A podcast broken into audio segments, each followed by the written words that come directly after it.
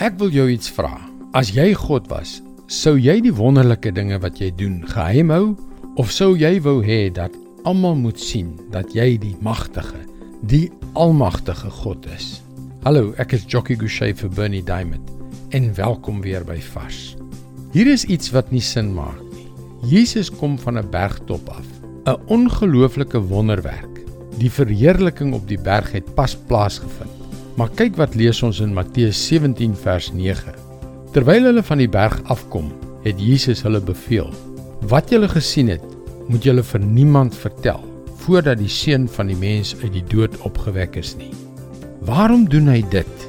Waarom maak hy dit nie openlik duidelik vir almal presies wie hy is nie? Ek het altyd gedink dat ek eendag, as ek die Bybel deeglik genoeg bestudeer het, God sou kon verstaan. As ek hierdie stukkie hier en daardie teologiese kwessie daar kon bemeester, sou ek hom beslis kon verstaan. Maar hoe meer ek hom leer ken, hoe meer besef ek die waarheid van dit wat God oor homself in Jesaja 55 vers 8 en 9 sê. My gedagtes is nie julle gedagtes nie. En julle optrede nie soos myne nie, sê die Here.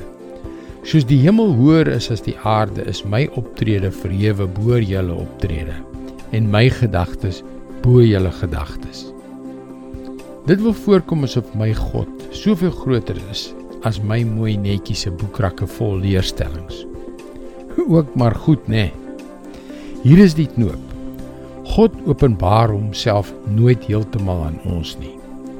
En daardie raaisel, die cloud of unknowing soos een skrywer van ouds dit stel is deel van die onsag en verwondering van ons verhouding met hom. Soos die hemel hoër is as die aarde is my optrede verhewe bo julle optrede en my gedagtes bo julle gedagtes. Dit is God se woord vars vir jou vandag.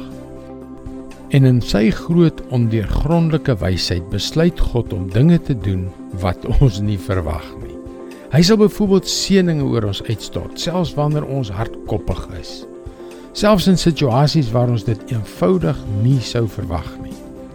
Ek wil jou graag aanmoedig om ons webwerf varsvandag.co.za te besoek. Daar is baie om oor na te dink om jou te help op jou reis tot 'n betekenisvolle verhouding met God.